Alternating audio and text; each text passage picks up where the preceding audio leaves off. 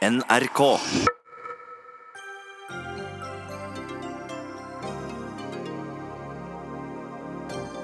Forsiktig, uklar og litt overalt. Sånn beskriver Arbeiderpartiet regjeringas utenrikspolitikk. Men utenriksminister Børge Brende lar seg ikke fornærme. Han tar det som et kompliment å bli anklaget for å være forsiktig. Det skal han snart få utdype her i Dagsnytt 18, som fortsatt sendes fra NRKs valgstudio utenfor Stortinget. Her blir det også debatt mellom forsvarsministeren og Senterpartiet om flystasjonen på Andøya som skal legges ned. Eller skal den det? En ny rapport har fått Arbeiderpartiet til å revurdere, men en kjøpt og betalt rapport endrer ingenting, fastslår forsvarsministeren. Og skal ikke Miljøpartiet De Grønne likevel skru igjen oljekrana om 15 år, som mange har trodd? Hva skal de da gjøre med oljepolitikken?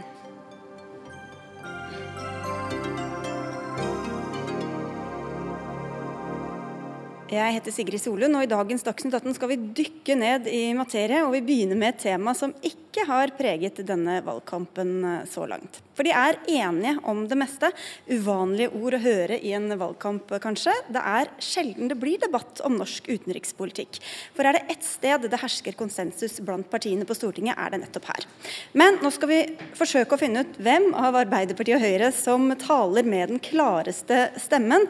For det er ikke så lett å få øye på uenighetene, men i en kronikk i Dagens Næringsliv oppsummerer du regjeringas utenrikspolitikk som forsiktig, uklar og litt overalt. Anniken Huitfeldt, du representerer Arbeiderpartiet på Stortinget og leder Stortingets utenriks- og forsvarskomité.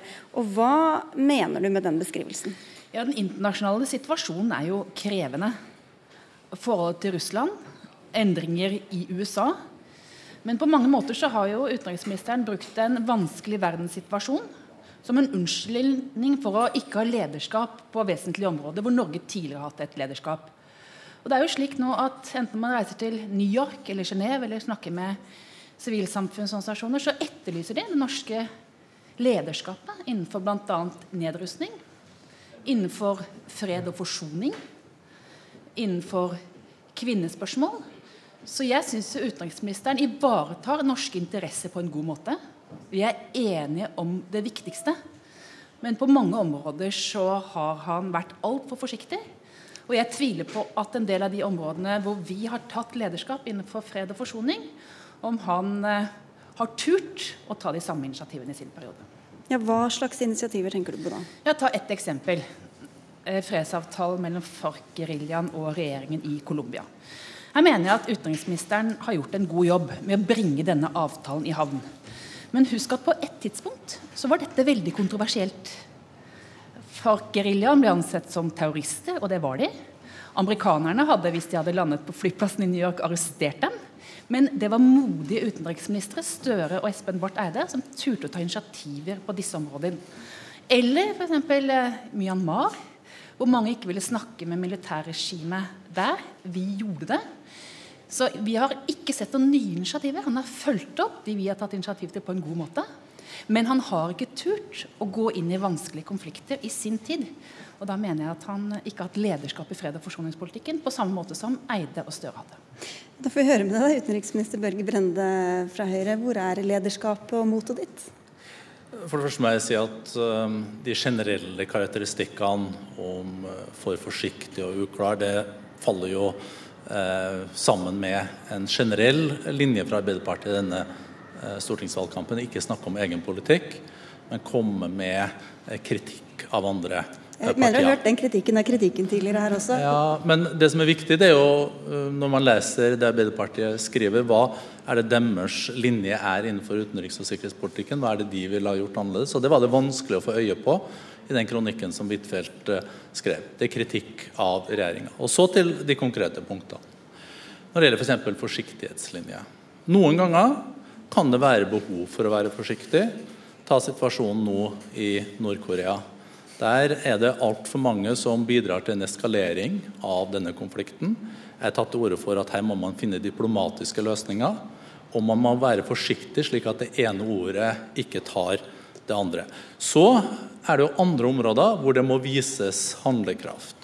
Og Knytta til fred og forsoning så syns jeg faktisk at eh, det er litt uh, smått av Arbeiderpartiet å kritisere oss for en Colombia-avtale. Jeg har brukt uh, mye av de siste fire årene på å sikre at vi fikk den på plass. Men i går så skjedde det jo også noe veldig oppløftende, nemlig at uh, vi fikk på plass en midlertidig våpenhvile med ELN-geriljaen. Altså en gerilja som var enda mer ytterliggående enn FARC-geriljaen. Men i den, den, samme konflikten? Jo, ja. i Colombia. Altså, ja. Det er to geriljaer.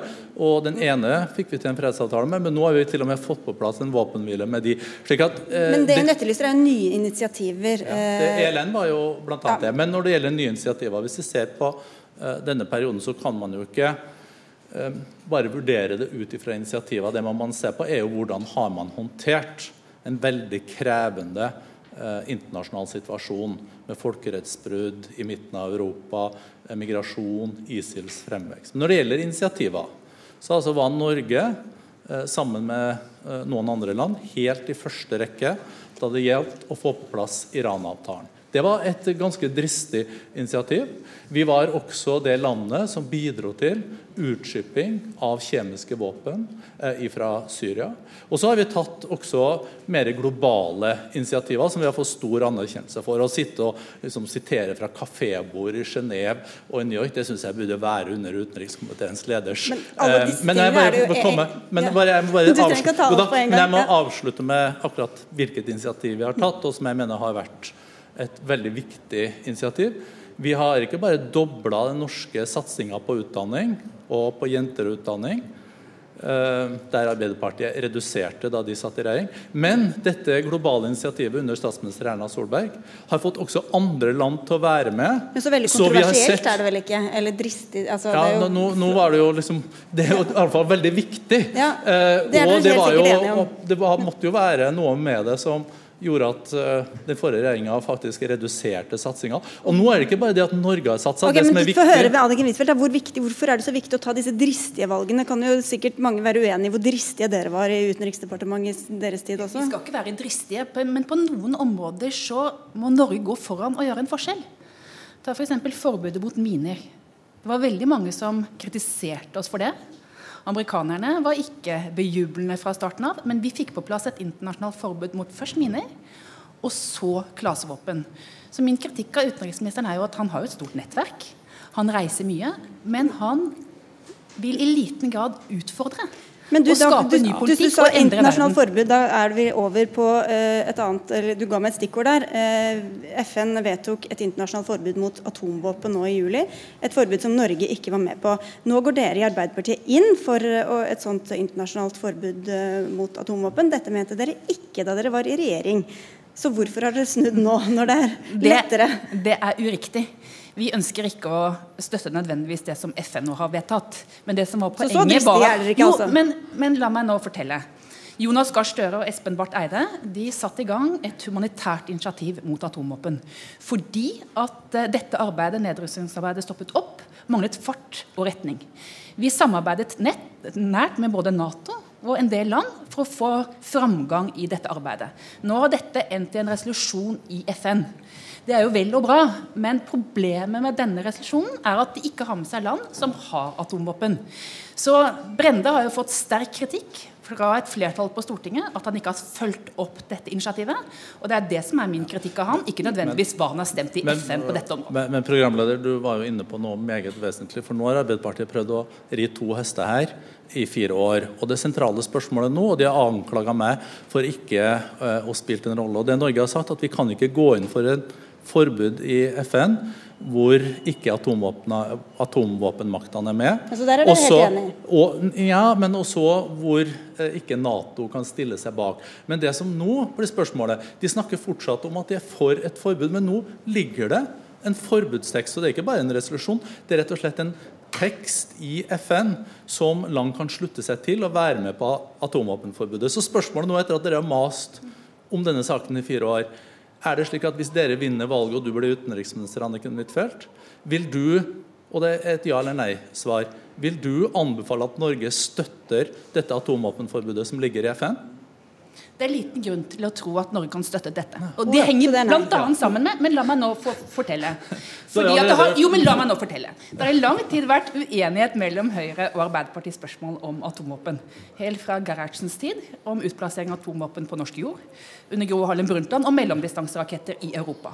Men så er det jo slik at når det gjelder nedrustning, så er det jo ikke nødvendigvis resolusjoner som er det viktigste. Nei, men Dere har fått kritikk for at dere ikke har vært tydelige og klare nok fra alle som jobber mot, for et forbud mot atomvåpen. Det er jo prosessen som er det viktige. Og det er jo denne prosessen som utenriksministeren elegant har sluppet fra seg. Han har overlatt det til andre land som har brakt dette innenfor FN, innenfor en forbudsresolusjon. Og dermed så mener jeg at han ikke har klart å drive den balansen som både Eide og Støre gjorde det så elegant, med både ha et forhold til Nato, men få med seg atommaktene på dette. Men dere, vi må innom ja, Klarer du det? Kort? Ja, altså, ble, Hun startet jo med Gerhardsen, så jeg skal ikke starte der. i hvert fall. Eh, men eh, vi advarte jo mot denne prosessen da Eide også starta dette. For vi sa det at dette kommer til å ende i en forbudsprosess og en forbruksprosess som Norge selvsagt ikke kan gå med på, fordi vi bryter med våre Nato-forpliktelser. Jeg tror alle som nå har lytta til Huitfeldt, har hørt denne hulheten. De sier at de er for et forbud, men kan ikke nå stemme for den teksten. og Det er fordi at Børge Brende ikke har gjort nok for å gjøre den teksten eh, annerledes. Men programleder, du var jo også inne på dette med resultater. Ja, men Jeg vil videre også ja. herfra, ja, fordi vi skal til et annet kinkig spørsmål, nemlig forholdet til Kina. Fordi Du sier at regjeringa gjennom tålmodig diplomati har dannet grunnlag for en, et langsiktig og solid forhold til Kina, der man kan diskutere alle spørsmål, også menneskerettigheter. Dette kom altså i form av denne avtalen om normalisering av forholdet mellom Kina og Norge, etter at det hadde vært nokså iskaldt uh, fordi uh, Nobels fredspris gikk til den kinesiske dissidenten Liu Xiaobo. Så hvilket handlingsrom har Norge nå egentlig for å komme med kritikk av Kina? For det første så var jo dette en veldig krevende situasjon som jeg arva. Vi måtte reparere forholdet med Kina. Espen Barth Eide gikk ut i august i 2013 og sa at nå hadde han fiksa forholdet til Kina over hele førstesida i Dagens ja, Næringsliv. Det, det viste seg at det ikke var riktig. Men nå har vi drevet møysommelig arbeid, og det er interessant å høre at Arbeiderpartiet nå kritiserer en avtale som de ikke greide å få på plass. Og Det som var veldig interessant, og som er svaret på også spørsmålet ditt I forrige uke så kom Kinas viseutenriksminister til Norge.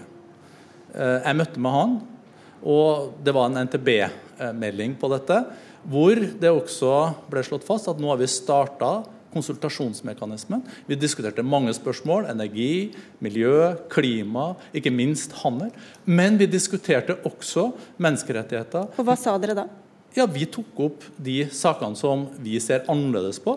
Vi tok opp ytringsfrihet, vi tok opp eh, arbeidstakeres rettigheter. Vi tok opp også flere av de spørsmålene som det er helt vesentlig. Men det vi har fått til med denne avtalen nå, det er at vi faktisk har en dialog med Kina. Vi møtte jo ikke Kina på seks år. Nei, men spørsmålet på hvilken bekostning, så Hva kan dere si offentlig om Kina? Akkurat det jeg nå sa. Ja, at, men de, at dere tar opp spørsmål og diskuterer ja. og gjør klart hva Norges ja, men, synspunkt er, det vet de vel fra før av. Hva, kan, hva kan du i, si offentlig i, i, i, kritikk av Kina? I, seks år så var det ingen politiske eller reelle diplomatiske møter. slik at vi hadde ikke mulighet til å ta si, Hva denne avtalen ja, det, innebærer, hva kan du si? Ja, jeg kan ta opp alle de spørsmål som vi mener er øh, Og kritisere dem offentlig? Altså, vi jeg sa jo akkurat at Vi har også tatt opp menneskerettighetssaker ja. som ytringsfrihet, arbeidstakeres rettigheter. Men Det er på et lukket møte? Jo, men Jeg har også sagt det i ettertid, men, og, et, og, til pressen.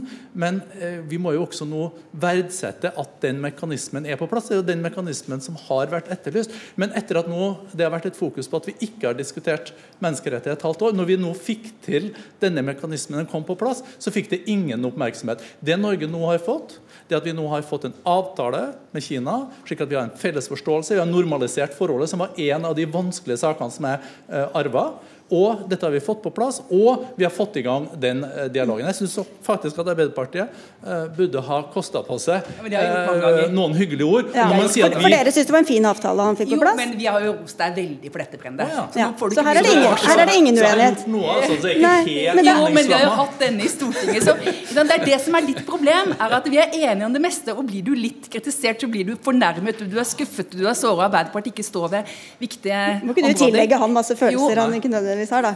Men, men, jo, men det som er poenget Det er en hersketeknikk, er det ikke det? Jeg, jeg, jeg tar det veldig lett. Ja, men jeg vil høre jo, jeg om er- deres Jeg synes at Vi har gode resultater, men jeg er nok bekymra programleder. Det skal jeg innrømme. Når man ser den uklarheten som er på rød-grønn side. Hvis Anniken Huitfeldt, og det synes jeg hun skal svare på her også, hvis hun skulle ende som utenriksminister etter valget, med støtte fra nei til EØS-partiet SV Ja, og nei til Nato-partiet andre gang du får den, eh, eh, også nye jobben SV, din, eh, så, så må jeg si at jeg er bekymra for at det blir ikke en Så- Jeg er bekymra for den utenriks- og sikkerhetspolitiske Men det kursen får- fremover. Det må jeg få svare på. Altså, Vi hadde jo en eh, situasjon med SV-ere på plenen her Ja. for noen år siden. Det ble det rydda opp i. Kristin Halvorsen tok affære. Men i alle disse årene Brende, så har jeg redda deg veldig mange ganger. Det har vært en utenrikspolitisk talsmann for Frp som har sådd vesentlig tvil om norske sikkerhetspolitiske interesser. Og Det har vært mye verre enn SV-er på, på plenen her, her ute. Vært gjengitt i russisk media. Så du har ingenting å være stolt av når det gjelder enhet i utenrikspolitikken. Altså, SV har vært mer lojal mot regjeringens Russland-politikk enn det Frp har vært. Altså, Fremskrittspartiet og Siv Jensen har vært krystallklare på Det er ikke mot, Siv Jensen hun eh, nevnte, mente vel Nei, nei, men altså, De Det har jo ikke noe å si når de ikke har fått gjennomslag for dette. Kristin Halvorsen gikk jo Det Da var ikke de på plenen så farlig heller, da. ja, Der var det jo slik at det var en statsråd, selveste partilederen og finansministeren, som gikk ut og sa at hun ønska en særnorsk boikott av Israel. Men det som er poenget mitt, at det er stor at dersom dette er et valg, så har vi nå diskutert altså påstander fra Arbeiderpartiet. Liksom, de kan slenge ut at det er en forsiktighetslinje og alt det Da vi ser vi bakover. Men vi burde bruke litt mer tid på å se fremover. Og jeg er Ja, men- reelt sett bekymra for uh, både EØS-avtalen, Ja, Nato-solidaritet. ja, det, er ikke, det er ikke det vi skal For vi, er, vi var egentlig inne på Kina. Og Kina, uh, har det, der mener dere at denne avtalen var god? Ja. Ja.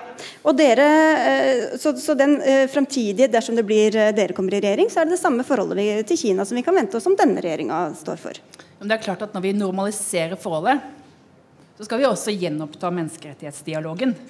Er vi gode venner, så er vi også ærlige. Og vi drev en slik menneskerettsdialog, og den må fortsette. Men da Dalai Lama var her, den mangeårige kritikeren av Tibet, var det ingen fra Arbeiderpartiet heller som ville møte ham. Jo, det var folk fra Arbeiderpartiet Ja, som møtte ham. han. Men det som jeg har vært kritisk til når det gjelder utenriksministeren, var jo da fredsprisvinneren ble syk. Så var det eneste denne regjeringen sa om eh, menneskerettigheter, var at Solberg var ute og sa at eh, en statsminister også trenger ferie, og det er en menneskerettighet. hvorfor skiller det seg så mye fra å ikke ville møte Dalai Lama i frykt for hva Kina vil si, da? Fordi at her sa EU sin utenrikssjef at eh, det var viktig at fredsprisvinneren fikk medisinsk behandling. Og Da syns jeg det var naturlig at Norge som en Så vi må vente på hva EU sier før vi kan bestemme oss for, vi, for hva vi Nei, skal ikke menneskerettighetsdialogen. Der skal vi ha et selvstendig forhold til Kina. Men når det gjelder Dalai Lama, da er det ikke så farlig hva noen andre sier. Det var folk fra Arbeiderpartiet som møtte han da han var i Norge. Du har ikke noe å legge til der? Nei, jeg, jeg, jeg, Det som har vært viktig for oss, det er jo å få på plass en avtale eh, Ja, med Kina og normalisering. Og det betyr mye også for menneskerettighetene Ok. fremover. Men når du har hatt et krevende forhold gjennom seks år, Så så, sier det seg selv, så begynner du ikke med den aller vanskeligste saken. Og det tror jeg faktisk det norske folk har forstått. Media har vært one trick ponies i den saken. Det har vi tatt til etterretning. Erna jeg har styrt gjennom det. Og nå har vi også fått på plass en helhetlig avtale. Og i forrige uke så satt vi og diskuterte menneskerettigheter med Kinas Litt- litt først, og så kommer kritikken om et par år. Viseutenriksminister her i Oslo. Så ting går fremover. Regjeringa leverer Ja, ja, resultater, ja. også i vanskelige okay. saker Vi skal til norsk våpeneksport helt til, eh, til slutt her. fordi I VG har vi kunnet lese at Norge har gjenopptatt eksporten av eh, ammunisjon til den autoritære føderale staten De forente arabiske emirater, som beskyldes for krigsforbrytelser i Jemen. Eh, Kan dere bevise at eh, materiell fra Norge ikke er brukt i denne krigføringen? Vi har et av de strengeste regimene i verden eh, når det gjelder eksport av forsvarsmateriell. Eh, Utenriksdepartementet holdt tilbake eh, disse leveransene til Emiratene for å gå nærmere gjennom akkurat denne eksporten. Etter en grundig gjennomgang så konkluderte Utenriksdepartementet med at det var ingen fare for at dette forsvarsmateriellet eh, ville bli brukt i strid med humanitærretten. Og så må vi, vi må også bredde dette eh, noe. Vi har en viktig forsvarsindustri i Norge. Tusenvis av med høyteknologiarbeidsplasser, ikke minst på Kongsberg og Raufoss, som ikke tas opp. Mye av debatten dreier seg om det noen organisasjoner greier å sette i gang av debatt her i Oslo. Jo, men Du er vel også må... opptatt av at vi skal følge våre egne ja, forpliktelser? Derfor, derfor, holdt jeg også tilbake dette partiet for å gå grundig gjennom. Hvordan, hvordan eh, sørger du nå for å vite at dette ikke havner da i disse hendene? Altså, vi, vi, har konkludert. Altså, Men de følger dere ikke opp i etterkant? Eh, det er klart vi gjør det. Altså, vi har våre mekanismer, og vi holdt det tilbake. Og vi mener at vi nå har god dokumentasjon på at dette forsvarsmateriellet mm. ikke blir brukt i strid med humanitærretten. Og åpninga for også den type eksport til Emiratene åpna vi opp for i 2010, men jeg syns det var riktig å holde dette tilbake Eh, inntil jeg fikk gode svar på dette også fra uh, embetsverket i UD. Og Hva med dere hvis dere havner i regjering? Blir det stans eller fortsettelse i denne eksporten? Ja, det må vi vurdere, og det er jo på regjeringens spor. Å vurdere hvorvidt dette kan brukes på den måten som nå utenriksministeren gjør rede for. Men kontrollen er jo i ettertid fra Stortingets side. Vi stanset jo eksport til flere land da vi satt i regjering, fordi vi var engstelige for at dette ble brukt i Midtøsten. Men dette er jo et ansvar som påhviler regjeringen, så er det Stortinget som kontrollerer da ettertid. Ja, og Så åpna man jo opp også for ja. eksport. Blant annet så var ikke det åpning for å eksportere våpen til Hvordan kontrollerer dere det i ettertid nå, da? Ja, men, men det, jeg må få svare på det. Okay, ja. uh, det var den forrige regjeringa som åpna opp for at man også kunne eksportere um, våpen til Emiratene. Det var det ikke åpning for uh, tidligere. Det samme også til Eh, Kuwait. Men vi mener at vi har gode mekanismer eh, for dette, og vi mener at eh, vi har god kontroll på Hvordan kontrollerer dere det? Ja, det har jeg svart på i sted. Altså, vi har ja, men Det var i forkant, men i etterkant, da? Ja, så dette er jo et parti som er holdt tilbake fordi at man har måttet gått gjennom spørsmål knytta til om dette kunne bli brukt i strid med den internasjonale humanitære retten. Og konklusjonen var at vi ikke hadde grunnlag for å holde tilbake. Dette er en forvaltningssak. Det er ikke en politisk sak eh, som en vanlig sak. Det er en sak hvor vi må rett og slett saksbehandle. Og hvis vi ikke har grunnlag for å si at dette strider mot den internasjonale humanitære retten, at vi ikke har mistanke eh, om det, eh, så måtte vi komme med til den konklusjonen som jeg eh, kom til eh, i denne saken. Dere, da fikk vi ti minutter enighet og ti minutter uenighet. Vi får si tusen takk for at vi fikk en ordentlig utenrikspolitisk debatt begge to. Børge Brende og Anniken Huitfeldt, takk skal dere ha.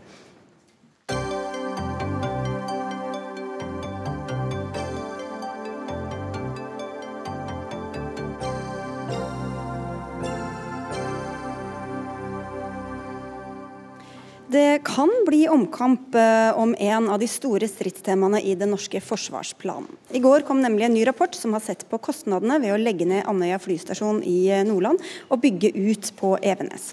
Ifølge rapporten kan dette bli 7 milliarder kroner dyrere enn det Stortinget har lagt til grunn. Det er Samfunnsøkonomisk analyse som har utarbeidet rapporten på oppdrag fra Senterpartiet. Nedleggelsen ble vedtatt eh, i, av Stortinget i fjor med stemmene til Høyre, Fremskrittspartiet og Arbeiderpartiet, bl.a fordi det skulle bli billigere å drifte én enn to baser. Nedleggelsen betyr også at 300 arbeidsplasser forsvinner. Liv Signe Navarsete, du sitter i eh, utenriks- og forsvarskomiteen for Senterpartiet. Hvorfor har du stolt så lite på det regjeringa har kommet med, at dere har betalt for å få en ny utredning?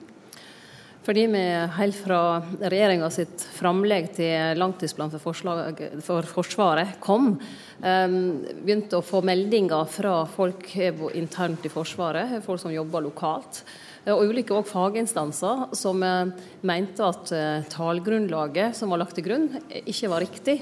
Og at det ikke var sammenlignbart, det en hadde regna på for Evenes og for Andøya. Og vi har jo jobba mye med saka både før og etter at langtidsplanen ble vedtatt. Men for å få da en second opinion, som det heter på fint, så eh, setter vi ut et oppdrag til samfunnsøkonomisk analyse uten noen politiske føringer. og Det er viktig, eh, selvsagt, for eh, det er jo et eh, byrå med veldig eh, høy integritet, på samme måte som PwC, som lager en eh, rapport for regjeringa som ble lagt til grunn for deres langtidsplanframlegg. Og Hva var da mandatet, og hva kom de fram til? Mandatet var å gjennomgå alt tallmateriale som var tilgjengelig. Eh, eventuelt skaffe seg mer tallmateriale fra Forsvarsdepartementet, noe som har vist seg veldig vanskelig. Eh, og òg å prøve å få møte med departementet, som jeg fikk nå eh, i slutten av august. Men det hovedoppdraget var rett og slett det. Gå gjennom alt, sette opp og, og gjøre det sammenlignbart, slik at størrelsene en regner på på Evenes og på Andøya er sammenlignbare. Og Det er det som ligger i rapporten. og Da viser jo den at innsparinga som eh, regjeringa har sett i 3,5 milliard, eh, kan være anslagsvis en fjerdedel av det, altså snakk om 800 millioner. og I tillegg så er det mange element som ikke er kostnadsberegna i regjeringa sitt grunnlag, som kan i verste fall beløpe seg til 7 milliarder. Og Da er det en ganske stor sprekk mellom det som ligger til grunn for vedtaket og det som eh, ligger i rapporten. Ok, Det er vel få som har lest begge rapportene, i hvert fall blant lyttere og meg inkludert. Eh, men Ine Eriksen Søreide, forsvarsminister, dere har kalt det et valgkamputspill. Har du lest denne rapporten? Ja, det har jeg, og vi har gjennomgått den grundig i departementet. Eh, det er jo flere faktorer ved denne rapporten som jeg tror det er viktig at lytterne er klar over. Det ene er jo at man ikke har sammenlignbare tall. Man har altså valgt ett tallsett for Evenes og ett tallsett for Andøya. Man har heller ikke lagt til grunn det Forsvaret har vært helt enige om, nei, unnskyld, det Stortinget har vært helt enige om, nemlig at for å kunne drifte begge baser, så er man også avhengig av å ha luftvern på begge baser for å kunne beskytte godt nok i et moderne trusselbilde. Og Så sier jo rapporten sjøl, eh, og det bør jo også Senterpartiet ha lest nøye, at noen av de største påpekningene de har, som de mener kan danne grunnlag for kostnadssprekk, det er ting der de sier at de ikke har kompetanse til å vurdere det, men dersom det blir tilfelle, så vil det koste penger. Et eksempel er at det kreves ny rullebane. Det gjør det ikke. Et annet eksempel er at det koster mye mer enn det vi har beregna å oppgradere ammunisjons- og drivstoffanlegg. Det er heller ikke riktig. Vi har en kostnadsramme der vi nå holder på å gjennomgå en såkalt konseptvalgutredning. Seks ulike alternativer for hvordan vi kan innrette basen. Alle de seks alternativene er innafor kostnadsramma. Og jeg syns det er litt oppsiktsvekkende at en tidligere statsråd i løpet av åtte år så har så liten tillit til embetsverket i departementet, som lager kostnadsanalyser som er kvalitetssikra i henhold til Finansdepartementets retningslinjer, og mener at en bestilt og betalt rapport av et politisk parti som ikke har hatt, for, ikke har tilgang til de samme tallene, ikke har ønska å få avklart en del av de usikkerhetene de sjøl peker på, mener at det er et mer tillitsvekkende grunnlag. Når det gjelder tilgang på, på, tall, så har jo en samfunnsøkonomisk analyse hatt nøyaktig de samme utfordringene som Senterpartiet og andre på Stortinget har hatt. Det har ikke vært helt umulig. Jeg vet ikke, har ikke tall på alle spørsmål jeg har sendt eh, til forsvarsministeren. Og som jeg har svart på. Det er, ja, du har svart, men du har bare smakt wishy-washy. Jeg har ikke fått ikke konkrete tall. og det samme, Vi skulle jo fått rapporten ferdig i vår, men den har vært utsatt nå. til altså Vi fikk den framlagt i går. Fordi, Så det var ikke ment som å innspille i valgkampen? Nei, langt ifra. Den skulle være ferdig i juni. Men uh, de fikk jo ikke tilgang til tallmateriale, og det er jo det som kjennetegner denne regjeringen. Det kjennetegner rapporten i forhold til Riksrevisjonen sine påpekninger, hemmelighold, selv om, selv om man sto på trykk. Det er jo, men dette er jo riktig. Det var jo en farse på Stortinget. Vi hadde hemmelig møte om en rapport som sto på trykk i Dagens Næringsliv. Som, de, som okay, regjeringen insisterte på. Jo, men altså, det, er det kjennetegner. Det går, det går en rød tråd gjennom at en ikke vil være offentlig om viktig grunnlagsmateriell, og det gjør det vanskelig. Og det er, ja, fordi dette må jo være ting som andre skal kunne kontrollere og regne på og regne om igjen? Absolutt, og det er jo derfor det har vært på ekstern kvalitetssikring. Det er derfor vi nå i den konseptvalgutredninga vi nå gjør, også skal sende den på ekstern kvalitetssikring og legge den fram for Stortinget til våren etter helt vanlig prosedyre. Og Jeg legger jo merke til at det utenriks- og forsvarskomiteens leder Anniken Huitfeldt sa i forbindelse med beslutninga som ble fatta i fjor høst, var at hun mente det ikke er skadd noen tvil om det hun oppfatta som øh, grundige kostnadsberegninger rundt Evenes, og ikke minst at det ingen baseendringer vi har brukt mer tid på og bora grundigere igjennom enn denne. Det gjelder både det økonomiske grunnlaget og de fagmilitære vurderingene. Dette er en solid beslutning, og så har jeg full respekt for at noen er uenig i den beslutninga. Men det er altså ikke det samme som å si at tallgrunnlaget ikke stemmer. Og Samfunnsøkonomisk analyse og Senterpartiet kan heller ikke på noen måte godtgjøre at det de legger fram, er det som er riktig. Men dere, Vi må få inn tredjeperson her også. En liten, ja, ting. For jeg syns at uh, måten statsråden møter dette på, er ganske arrogant. Hun burde bekymre seg over den enorme frustrasjonen som er i Forsvaret som hun styrer. Hun Men kan vi ta, komme tilbake til det? Jo, det kan vi komme tilbake ja. til. Men det er faktisk et viktig moment i det hele. Espen Barth Eide, du er allerede skrytt opp i skyene i første innslaget her. Du er altså stortingskandidat for Arbeiderpartiet og bl.a. tidligere forsvarsminister. Bak oss her ute var det en demonstrasjon i dag mot regjeringas langtidsplan for Forsvaret. og Da varsla du at Arbeiderpartiet ønsker en ny gjennomgang av grunnlaget for nedleggelsen av Andøya flystasjon. Nå hørte vi sitat fra Anniken Huitfeldt her, så hva er det som har endra seg siden da? Jeg, vi har fått veldig mye eh, forskjellige innspill den siste tiden. Eh, denne rapporten som Navarsete beskrev, er en av dem. Det har også vært eh, stilt spørsmål fra Avinor om hvor mye samdrift det er rom for eh, mellom eh, drift og militærdrift på Evenes. Eh, og det er også blitt en økt alliert interesse for de funksjonene som er knyttet ikke minst til Landøya i dag. Og Summen av dette har gjort at vi fra Arbeiderpartiets side har sagt veldig tydelig at selv om vi var med på et forlik, så sa vi også da det forliket ble inngått, at støtten til regjeringens forslag betinger at grunnlagsmaterialet er riktig.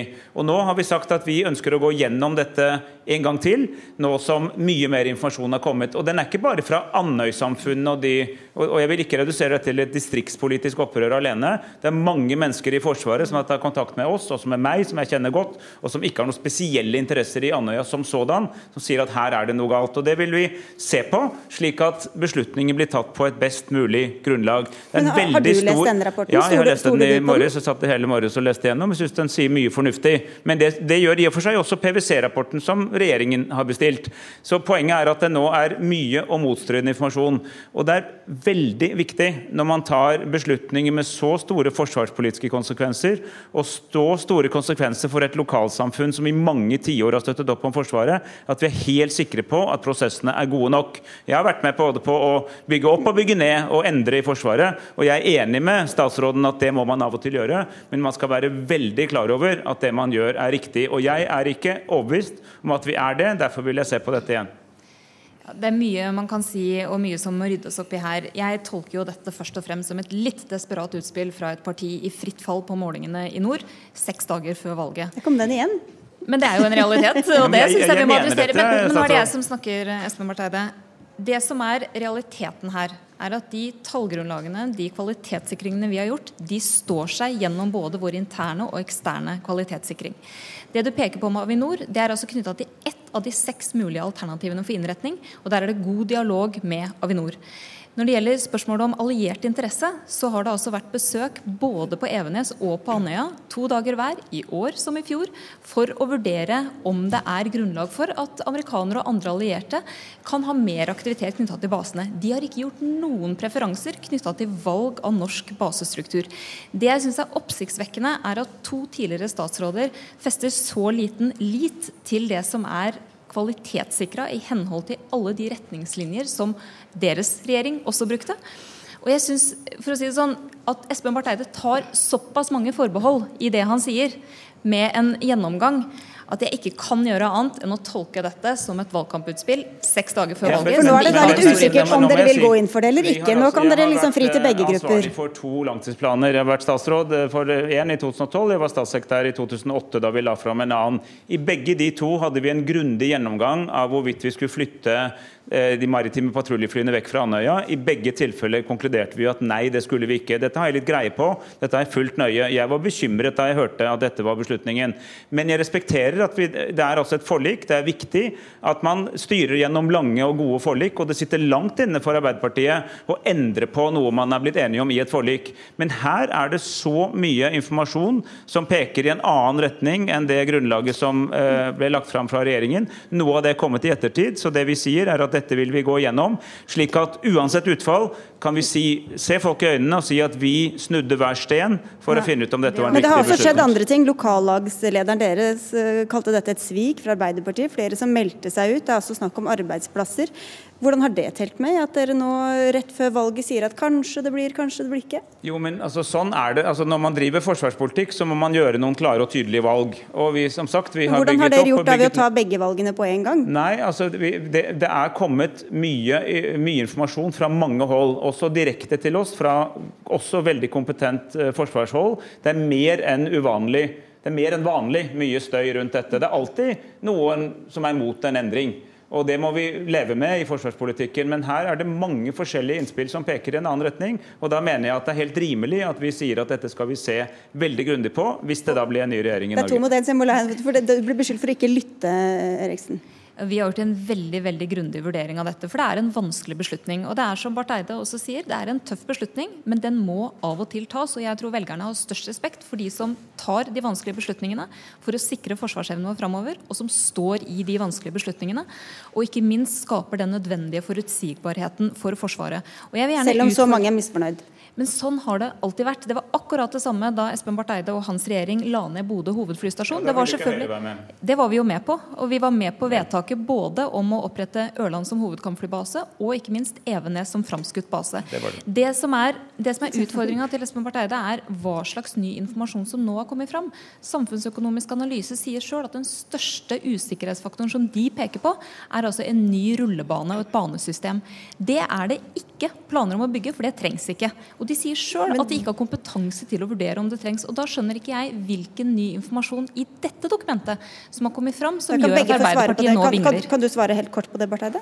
Eh, jo, men Den rapporten sier noe som vi hører fra mange andre hold også. Okay, så det, går, det, er ikke isolert den rapporten, det er mange andre jo, ting? men Det er to argumenter. Det ene er at det er flere, ytterligere investeringsbehov utover det som er lagt inn i deres grunnlagsmateriale. Det, det andre er at driftskostnadene over tid Ja, det blir litt billigere å drive en enn to, men forskjellen er mye mindre enn det man opprinnelig trodde. og Da må det veies opp mot ulempene med å flytte bort et miljø som fungerer veldig godt i dag. Det er jo ingen tvil om at uh, rent flyteknisk, altså for de som flyr, så er jo Andøya veld, en veldig god uh, base i dag. Den fungerer veldig godt, ligger nesten som et hangarskip ute i havet. Og Det er jo ikke de som ønsker å flytte denne bort. Og når det er snakk om hva opplysninger som er kommet inn, så har vi fått det fra veldig mange hold. Og internt i Forsvaret. Og som Barth Eide sier, ikke nødvendigvis for de som er opptatt av Andøya samfunnet, men de som er opptatt av får vi mer uh, operativ evne ut av å gjøre dette. Og er de kostnadene som en stipulerer på Evenes kan vi stole på dem? Og når vi har nevnt Ørland og flyttingen der, så ser vi jo at de kostnadene mangedobler seg. Så det, men, det er jo, men, til det som jo, altså, forsvarsministeren altså, sier også, hvor, det, det hvorfor stoler du ikke på et embetsverk som du ellers, alltid ellers ville rost opp i skyene? Embetsverket gjør en god jobb, men de gjør jo en jobb etter det, det, som blir bestemt. Sånn er det. Og, og derfor, så det er lagt føringer fra, Og det er et eller annet som skurrer når det er så mange internt i Forsvaret, i et system som normalt er egentlig ganske pottetett, som tar så mye kontakt både internt, men òg eksternt for å få disse tallene opp og si at disse tallene må på bordet. og Derfor brukte Høyre sin tidligere fylkesleder i Nordland, Eidesen, 100 000 kroner for å være med å finansiere en rapport som hans eget parti, som han har vært fylkesleder for, altså, eh, har da lagt fram en eh, langtidsplan som han syns heller ikke heller vann, fordi han òg har fått mange innspill fra forsvarspolitisk hold, ifra folk som har jobba i Forsvaret i mange mange år, og som har høy kompetanse.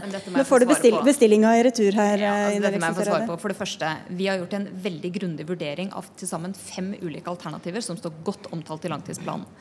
Det vi landa på til slutt, etter en grundig vurdering, der PwC-rapporten var én liten del av flere beslutningsgrunnlag, det var at en samla løsning på Evenes, der vi samlokaliserer ikke dagens Orion, men de kommende maritime patruljeflyene våre og de nye kampflyene våre, var den beste løsninga både eh, operativt og økonomisk. Men får du innspill fra folk i Forsvaret og andre, da, om, som sier det samme som de sier til disse to på den andre sida? Vi får veldig mange gode innspill fra folk både i og utafor Forsvaret på veldig mange områder hele tida tida. Eh, og det er ting vi lytter til. Men det er altså helt feil å si at embetsverket har gitt en anbefaling som er i tråd med det de har fått beslutta. Dette er jo ikke riktig, og det vet jo Navarsete. Men det, det er ett poeng til som jeg syns er interessant, og det er Liv Signe Navarsete og Senterpartiet ønsker altså å opprettholde basen på Andøya, men de stemte mot å kjøpe nye maritime patruljefly. Så det henger jo ikke på greip, og det tror jeg velgerne ja, også forsvarer. Veldig kort, og så bare altså, De maritime overvåkningsflyene som vi har i dag, Orion, er overholdt for ja, 1,2 milliarder og var ferdig i fjor. Når Stortinget behandla den saken, så sto det i de papirene som vi behandla på Stortinget, at skulle, den skulle vare fram til 2030. Derfor stilte vi spørsmål om vi trenger Jo, det gjorde det. De papirene har jeg liggende. Så det okay. sto det faktisk i proposisjonen proposisjon til Stortinget. Og det stolte vi på. Og det er noe med hva signal og hva, hva en eh, da investerer i på et tidspunkt som det ikke var planlagt før. og Stortinget hadde gjort men Nå er vi inne på et litt, litt, annet tema. Når vi må avslutte, Bartheide, Når skal jo. dere bestemme dere, da? Nei, men jeg må bare si, altså, Alle her er eller har vært statsråder. og Vi, vi har et meget bra embetsverk, ikke minst i mm. Forsvarsdepartementet. Det er jeg helt enig med statsråden i. Men de driver jo ikke liksom, eksakt vitenskap. Det er jo statsråden som til slutt står bak den beslutningen som er tatt, og det vet vi alle sammen. Eh, jeg har også hatt... Så når skal dere bestemme dere, da? Ja, Vi må jo bestemme oss når vi får altså Vi må nå sette oss og gå grundig gjennom alt dette materialet som er kommet kommet. Husk på at selv etter regjeringens plan så skal ikke Andøya legges ned før om mange mange år. Så det er ikke noe sånn umiddelbart hastverk med okay. å skynde seg. Men jeg, jeg, må jo si som en liten avslutningskommentar at du mener altså at embetsverket i Forsvarsdepartementet og Finansdepartementet ikke driver eksakt vitenskap, men en rapport fra et konsulentfirma som er bestilt altså, det, var, nei, det, sa, det var ingen av oss som sa. Nei, vet du hva, da, da må jeg si til Ine Eriksen Nå ble det mye snakk i munnen på hverandre her, dere. Ja, dere sa at det var en av flere Nei, elementer. Vil si det, det, vil være klokere, syns jeg, av en statsråd da gå inn og se på det og mm. møte dem punkt for punkt, enn bare å si at dette bare avviser vi blankt. Fordi det, det, er viktig at det er tillit til disse prosessene når det berører så mange mennesker. Statsråden avviste rapporten etter to timer. To, ja, ja. Da har lest veldig fort. Det okay, dere, nei, nå må vi avslutte. Dere får legge ut en pressemelding eh, fra Forsvarsdepartementet og gå nærmere i sømmene der. Takk skal dere ha, alle tre. Liv Signe Navarsete, Ine Eriksen Søreide og Espen Barth Eide.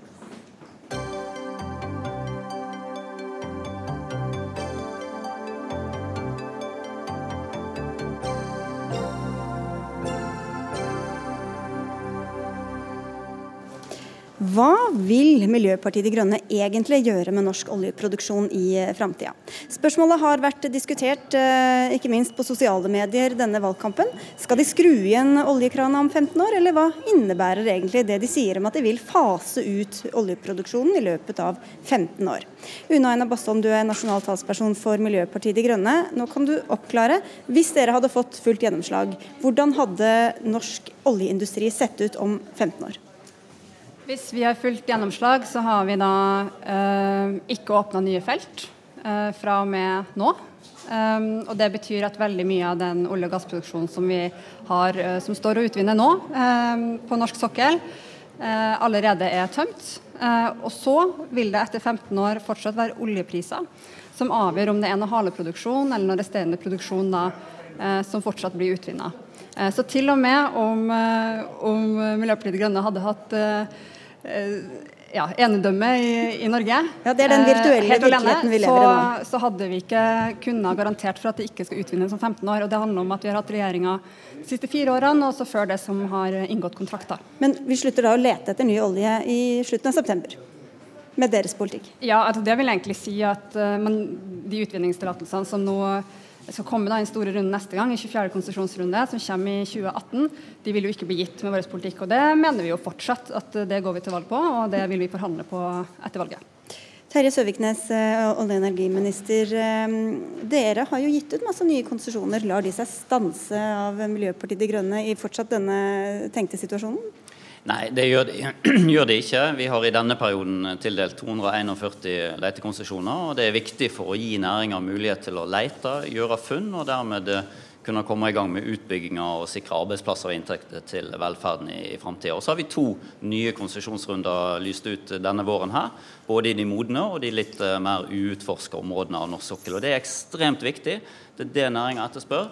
Og eh, så må vi ta inn over oss eh, at vi skal jo ha olje og gass i et langt ja. perspektiv. Da, langt utover de 15 år som her eh, MDG snakker om. Men fordi, Hva ville da skjedd? da? Hva ville dere gjøre med de konsesjonene som allerede er gitt? Altså Kontrakter som allerede er gitt, kan vi ikke gjøre noe med. Um, og det vil si Utvinningstillatelsene også som er gitt, de får ikke vi endra på. Så det blir lett etter ny olje også med dere, da, hvis dere i denne tenkte situasjonen kommer ja, så Derfor er jo eh, det, det, vi går til valg på, det som vil være da vårt ultimatum, som det nå, nå blir det kalt ultimatumet, um, det det handler om, er for å støtte en regjering, eller for å uh, sitte i en regjering, så vil ikke vi tillate at det gis nye tillatelser til å lete eller utvinne, for det skjer i samme tillatelsen, etter olje og gass. Eh, det er, det har, det er den makta vi har eh, etter alle de årene her hvor vi har hatt regjeringer som ikke har planlagt for å fase ut olja. Hmm. Altså et ultimatum til de dere eventuelt skal samarbeide med, antageligvis Arbeiderpartiet, om at man ikke skal tildele en eneste ny letekonsesjon om man kommer i posisjon. Ja, også innenfor områder som allerede er åpna. Og hva, hva mer ligger i denne utfasingen, da? Hva mer, hva mer, ligger i denne utfasinga, som er ja, det begrepet dere bruker? I løpet av uh, de 15 årene så har man også mulighet til å se på skatteregimet f.eks. Man har mulighet til å endre uh, hvor mye Stortinget går inn i enkelte det som heter PUD-er, altså som er tillatelser til utbygginger som allerede uh, er på åpna felt. Eh, der kan vi be om at Stortinget skal inn eh, også i, i, for å gi tillatelser til det som er mindre, av mindre skala enn i dag. I dag må det være på 10 milliarder til sammen. Det blir litt sånn teknisk, men det er veldig mange ting vi kan gjøre for å sikre at man får en utfasing over en 15-årsperiode. Men det vi ikke kan gjøre noe med, er jussen. Og de kontraktene som er inngått, får heller ikke Miljøpartiet De Grønne gjort noe med. Men det som trengs når denne debatten her egentlig handler om, er om vi skal starte å ta det veivalget nå eller ikke. Og det er det egentlig debatten bør handle om. For det er jo det som avgjør om vi i hele tatt er nær 15 bare, eller 20 eller 30 år. Vi ville bare høre mer om oljepolitikken deres. Eh, jeg regner med at du gladelig snakker om den. Så ja, hva slags oljeproduksjon har vi da i deres eh, scenario i 2032, som er det 15 år fram i tid? Da har vi det som eventuelt er igjen, som er avhengig av oljeprisene. Eh, på, altså det vi baserer oss på, er Oljedirektoratet sine egne eh, analyser eller prognoser for både kjente felt, felt som er i utvinning i dag, og felt som vi ikke helt vet om, som man kan drive og lete i. Uh, og da sier de at Hvis man ikke åpner nye felt nå, så vil det være veldig lite igjen om 15 år. Det vil si at oljenæringa, det vil fortsatt være selskaper som utvinner dersom det er priser som, som gjør at det er lønnsomt for dem men det er på en helt annen skala. altså Næringsstrukturen i Norge ser helt annerledes ut. og Det er det vi er aller, aller opptatt av, uh, mest opptatt av. For det er det som vil bety noe for f.eks. tryggheten til norske arbeidsplasser framover. Men Søviknes, dere snakker jo stadig om at de skal skru igjen krana, men hvor riktig er det da, når vi hører hva det er Nei, faktisk på? jeg tenker at Dette må være en ganske skuffende dag for mange som har lytta til MDG i det siste. Både miljøforkjemperne og klimaforkjemperne, som har trodd at med MDG får man en virkelig avskruing etter 15 år, som har vært kommunisert nå i et halvt år etter landsmøtet. Og på andre sida Arbeiderpartiet og ikke minst alle industriarbeiderne i olje-, gass- og leverandørindustrien langs hele kysten, som hører at MDG skal sammen med, MDG, med SV og Rødt, som har omtrent samme tilnærming, skal stoppe all ny leteaktivitet og dermed strupe hele næringa. Men å si at de skal skru igjen krana, det skal du slutte å, dere slutte å snakke, med, snakke om, da, eller? Nei, altså det vil jo være det som er i praksis. Når vi gir et signal om at man skal eh, legge ned en næring hvis det er jo helt utopi. Hvis man fra MDGs side skulle få flertall for noe sånt, så vil jo det rive beina ut under næringa med en gang. Det som er min bekymring det som er min... At vi kommer til å få flertall for det på et eller annet tidspunkt. Spørsmålet om det skjer i år, eller om det skjer om fire år, eller om åtte år, eller om fire år etter der igjen. Fordi det her kanskje... er den veien det går, statsråd. Og du er olje- og energiminister og må være opptatt av hva som skjer på energimarkedet der ute. Og det er flere og flere som nå blir overraska, til og med energibyrået blir overraska over hvor fort prisene nå faller på, på Men den siste rapporten fra Det internasjonale energibyrået peker fortsatt på at vi skal ha ca. 30% olje og gass i verdens energimiks i 2050, i et scenario der vi når klimamålene. Ja, og det er litt uenighet om de tallene. Men dere, dere, vi er så heldige vi har med en som kjenner dette markedet. Hva sier dere? Tina Saltvedt, du er sjefanalytiker i Nordea Markets, og du kjenner dette markedet godt som vi, som vi snakker om. Først til, til, disse planene som vi har hørt om nå fra MDG. Hvilke konsekvenser ville det fått for norsk oljeindustri dersom de da fikk fullt gjennomslag, som har vært uh, scenarioet vårt. da. Ja, altså det som er Utfordringen hvis det går for fort, det er jo omstillingsprosessen for de som jobber i industrien i dag. Så Hvis det var å skru av produksjonen i dag eller om veldig kort tid, så vil det få veldig store konsekvenser. fordi det er mange som jobber i den næringen, og det er mange som planlegger, planlegger å jobbe i den næringen innenfor de neste årene. Men så er det jo klart at jo lengre tid det går, jo lettere er det å omstille seg. Sånn at eh, Det er jo ikke umulig å stoppe f.eks. nye lisensieringsrunder. Det er en ting man kan gjøre. For Det betyr på sikt at man skal bygge ned denne næringen. Og det, det skal man jo etter hvert. Bygge ned denne næringen. Men det, det, mest eh, skumle det er jo å gjøre det veldig kort og veldig brutalt og veldig overraskende. For det er det som er utfordringen for selskapene. Og det er det som er utfordringen for investorene som investerer i selskapene. Nettopp hvis det går veldig fort. Hva er det Norge har forplikta seg til for å si det sånn nå med tanke på ny eh, virksomhet framover? Ja, altså, for det første så har vi jo noen felt som er i produksjon. Eh, og de kommer jo til å fortsette å produsere til det ikke er lønnsomt å få ut mer olje. Eh, så er det jo selvfølgelig da de, eh, altså de som allerede er vedtatt, de kan man jo ikke gjøre noe med. Men det er jo de nye som ikke er vedtatt, det er jo de man kan gjøre noe med. Eh, og da er det jo spørsmålet hvor fort ønsker man å gjøre noe med det. Og det avhenger jo hvilken, altså hvordan man ser for seg markedet fremover, og ikke minst hvilken politikk man fører. Mm. Ja, hvilke rammebetingelser vil dere gi da, de som fortsatt i deres scenario også skal drive med oljeproduksjon? Um, jeg synes Det er også viktig at vi fortsetter det scenarioet at Miljøpartiet De Grønne har full makt. For det har vi ikke. altså det, det vi står nå nei, nei, seks dager før valget og diskuterer, for, for er jo hva vi kan få til med, med, det Stortinget vi har i dag. Uh, men det som jeg var inne på, vi ønsker f.eks. å endre skattefordelene til, uh, til uh, selskapene. I dag har vi en investeringsmodell som er genial hvis vi vil ha mest mulig investering. Fordi staten tar mye av risikoen. Dvs. Si det norske folk tar risikoen for den letinga som skjer. Selskapene tar veldig lite risiko. Hvis vi ønsker å fase ut mm. altså hvis vi hadde laga en plan på Stortinget La oss ikke si om 15 år, da. La oss si at vi ikke engang setter en sluttdato, men vi helt blir enige om at vi skal etter hvert slutte eh, med olje og gass fordi vi må redde verden. Da, eh, da, vil det bety at vi må endre hele strukturen på det skatteregimet, sånn at vi eh, sørger for at eh, vi får mest mulig inntekter tilbake til samfunnet for den risikoen vi har tatt, og selskapene ikke driver og søker risiko som vi i Norge ikke har lyst til å ta på vegne av dem.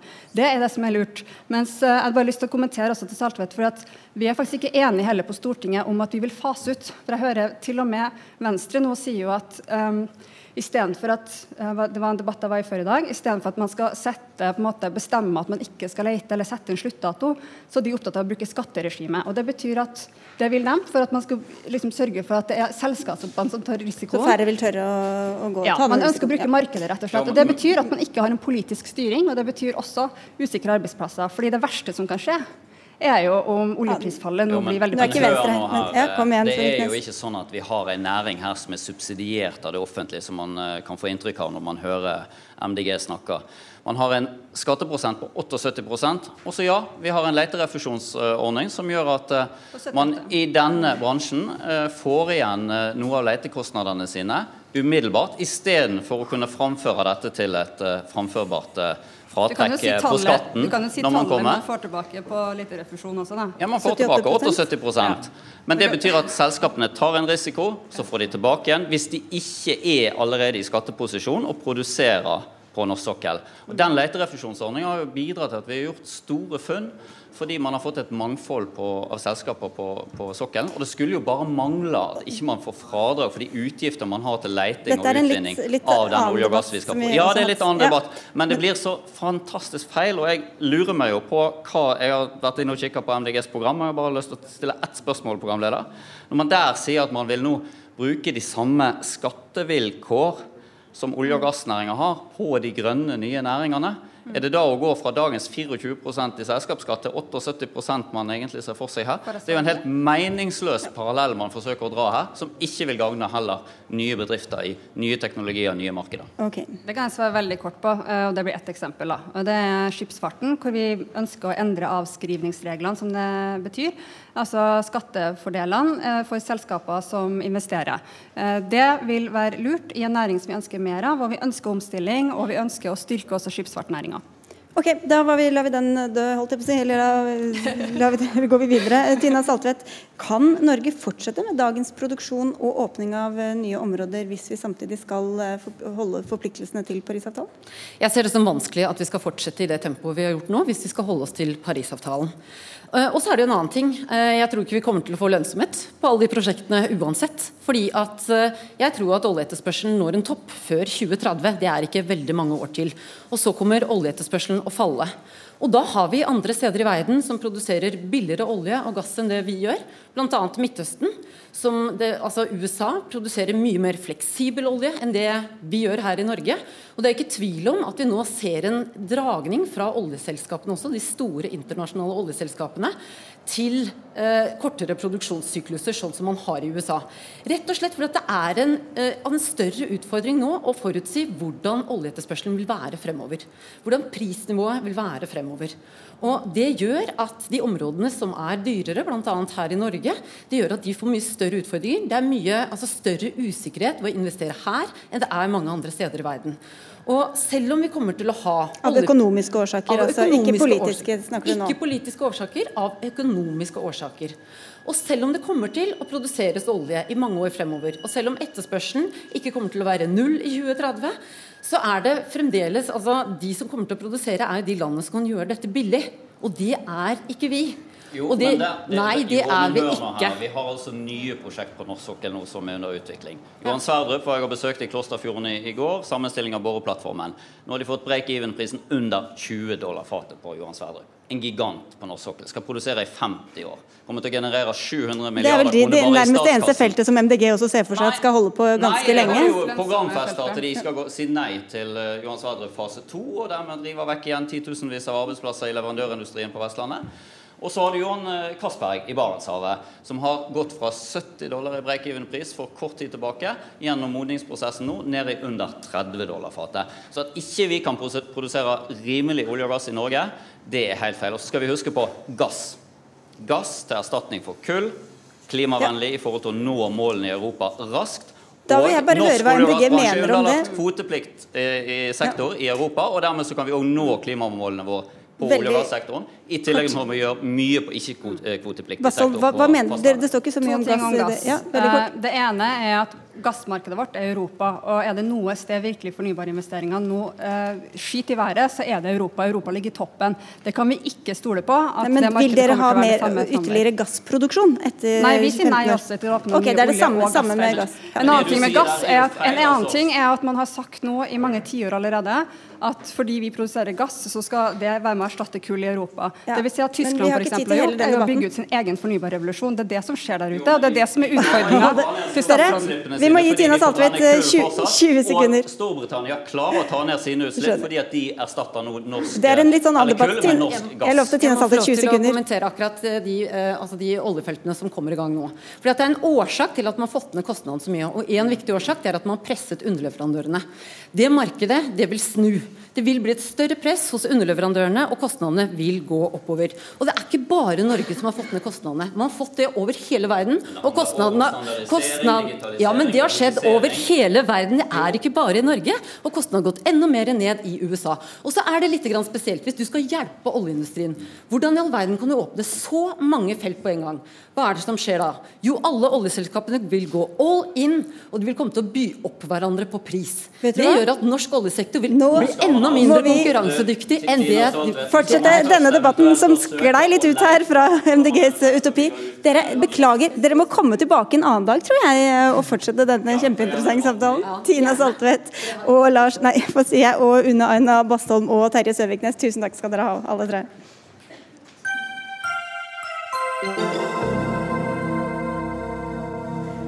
For akkurat nå venter politikere og alle politisk interesserte landet over i spenning på resultatene fra årets skolevalg. De kommer om bare få minutter. Det er jo en uke igjen til valget, men generalprøven har stått i dag, når skoleelever over hele landet har sagt sin mening om hvem de synes bør styre landet. Og politisk kommentator i NRK Lars Nehru Sand, vi har jo ikke tallene før klokka 19, men det finnes noen prognoser. Hva sier de?